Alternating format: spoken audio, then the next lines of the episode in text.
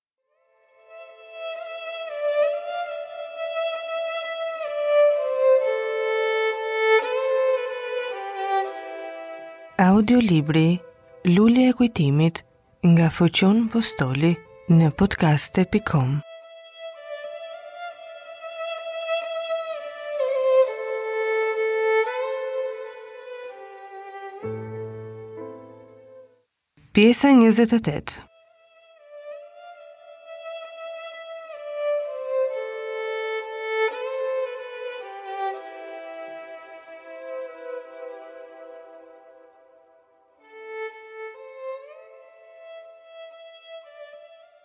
Të ngrirë nga kjo e papritur, kusarët mbetën të nëmitur. të shastisur si statuj prej mermeri dhe jo si njerëz. Në anën tjetër, shokët e Dimitrit, nxorrën nga brezi revolet dhe kamat e kusarve. Dimitri ia zgjidhi duart Sanës si dhe gojën. Ku është Olimpia? e pyeti Dimitri. Në dhomën e saj vraponi ta shpëtoni, se Nikoja, shoku i këtyre kusarëve, u ngjit në dhomën e saj. Nuk kuptonte me kë po fjalosej, po kur pa se u çlirua, pa dyshim tha me vete se ndonjë ndihmë i erdhi. Dimitri u tha shokëve, lidhni kusarët dhe i sillni sipër, dhe me shpejtësi, ngjiti shkallët, por me kujdes që të mos dëgjohej. Ç'kërkon Niko në këtë orë, pyeti Olimpia me buzë të dredhur. Kam një letër nga yt atë, u përgjigj Nikoja, dhe i dorëzoi letrën e Zotit Kristo.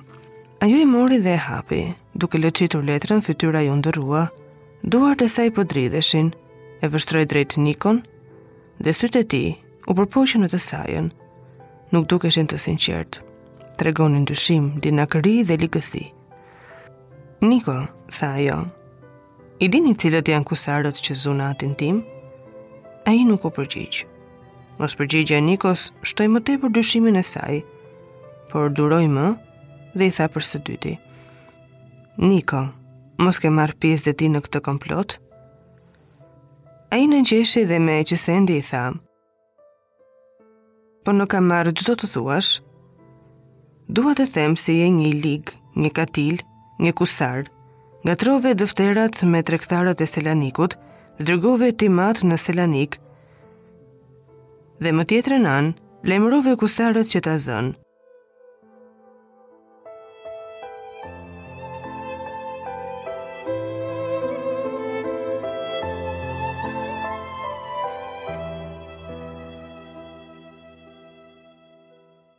ishin të vërteta fjalët e saj.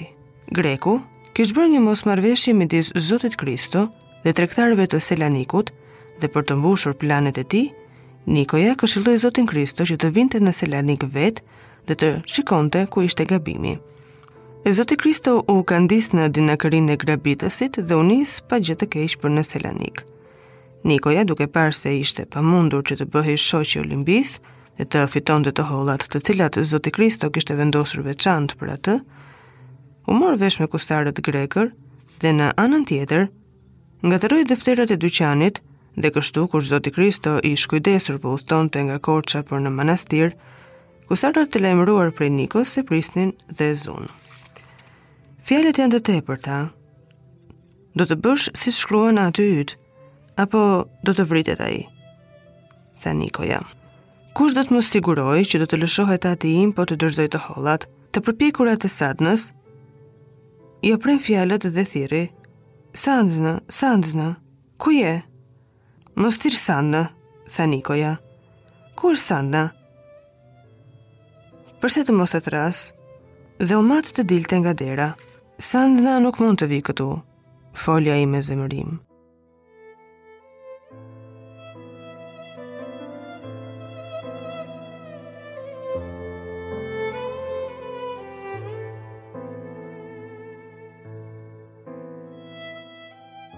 Kujt i flet me zemërim?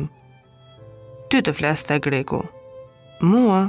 Të urdhëroj të dalësh jashtë nga shtëpia ime që tani dhe i tregoi Nikos derën. Ha ha ha, qeshi me qesëndi, më urdhëron të dal jashtë. Nuk e di se je nën fuqinë time? Nën fuqinë tënde, shko largohu kusar prej meje. Sadna, Sadna, thirri përsëri Olimpia. Mos u ngjir, tha Nikoja, se janë dy burra poshtë që kujdesen për Sadnën. Do të thuash se ke ardhur me shokët e tu këtu?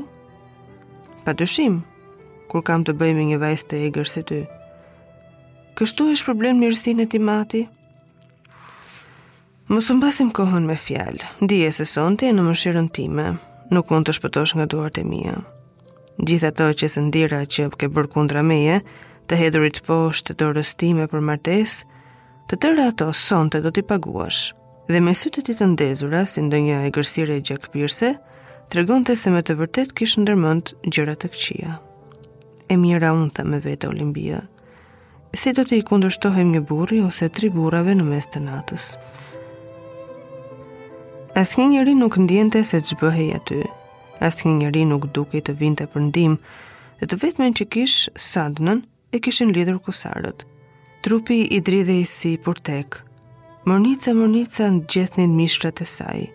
Ç'të bënte? U mat të hapte dritaren dhe të thërriste për ndihmë, por Nikoja përnjëherësh ia zuri duart e saj dhe e hoqi nga dritarja. U sul për te dera, por po dhe aty Nikoja kishte arrirë më parë. Çdo kundërshtim ish i kotë. ishte me të vërtetë në mëshirën e tij. Nikoja po afrohej që ta zaptonte. Kish një vështrim satanik. Klithi Olimpia kur pa atë shenjë në sytë e tij. U mendua se vetëm të hollat mund të zbutnin zemrën e tij të egër dhe me zë të lutur i tha Nikos. Niko të lutem, merr të hollat që ndodhen në kasën si shpërblim për tim atë, merri të gjitha dhe shko, lërmë të qetë. Nga gjoksi i saj nxori zinxhirin e florint në të cilën lidhej kyçi i kasës dhe ia dorëzoi Nikos. Ai e rrëmbeu kyçin duke thënë: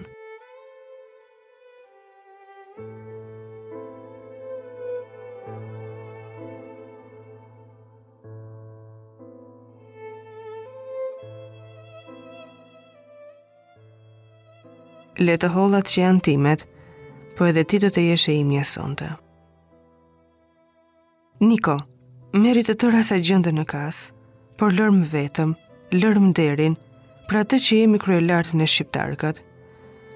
Po fjalët e saj me lutje asfare nuk mallëngjenin zemrën e katilit, se ndonëse ajo ishte trembur, i dukej atij më e bukur, se çdo herë tjetër. Bukuria e saj, bëri të mos përfillte të hollat, po iu afrua Olimbisë duke i thënë. ti sonte do të jesh e imja. Hodhe poshtë dorën time se ishe goditur nga dashuria për Dimitrin, atë shërbëtorin e atit tënd, të cilin e coptuan ujqërit. Ujqërit nuk e coptuan Dimitrin, ai rron, dhe ndonjë ditë do të coptojnë edhe ty. Rron, prandaj ti e pret dhe nuk martohesh. Por në Turqi kurrë nuk do të hynë, se është i dënuar dhe ti nuk bëhesh shoqe e tij. Se kurrë nuk do gëzosh të shikosh atë drejt në sy kur të kujtohesh, se sonte do të jesh nën mëshirën time.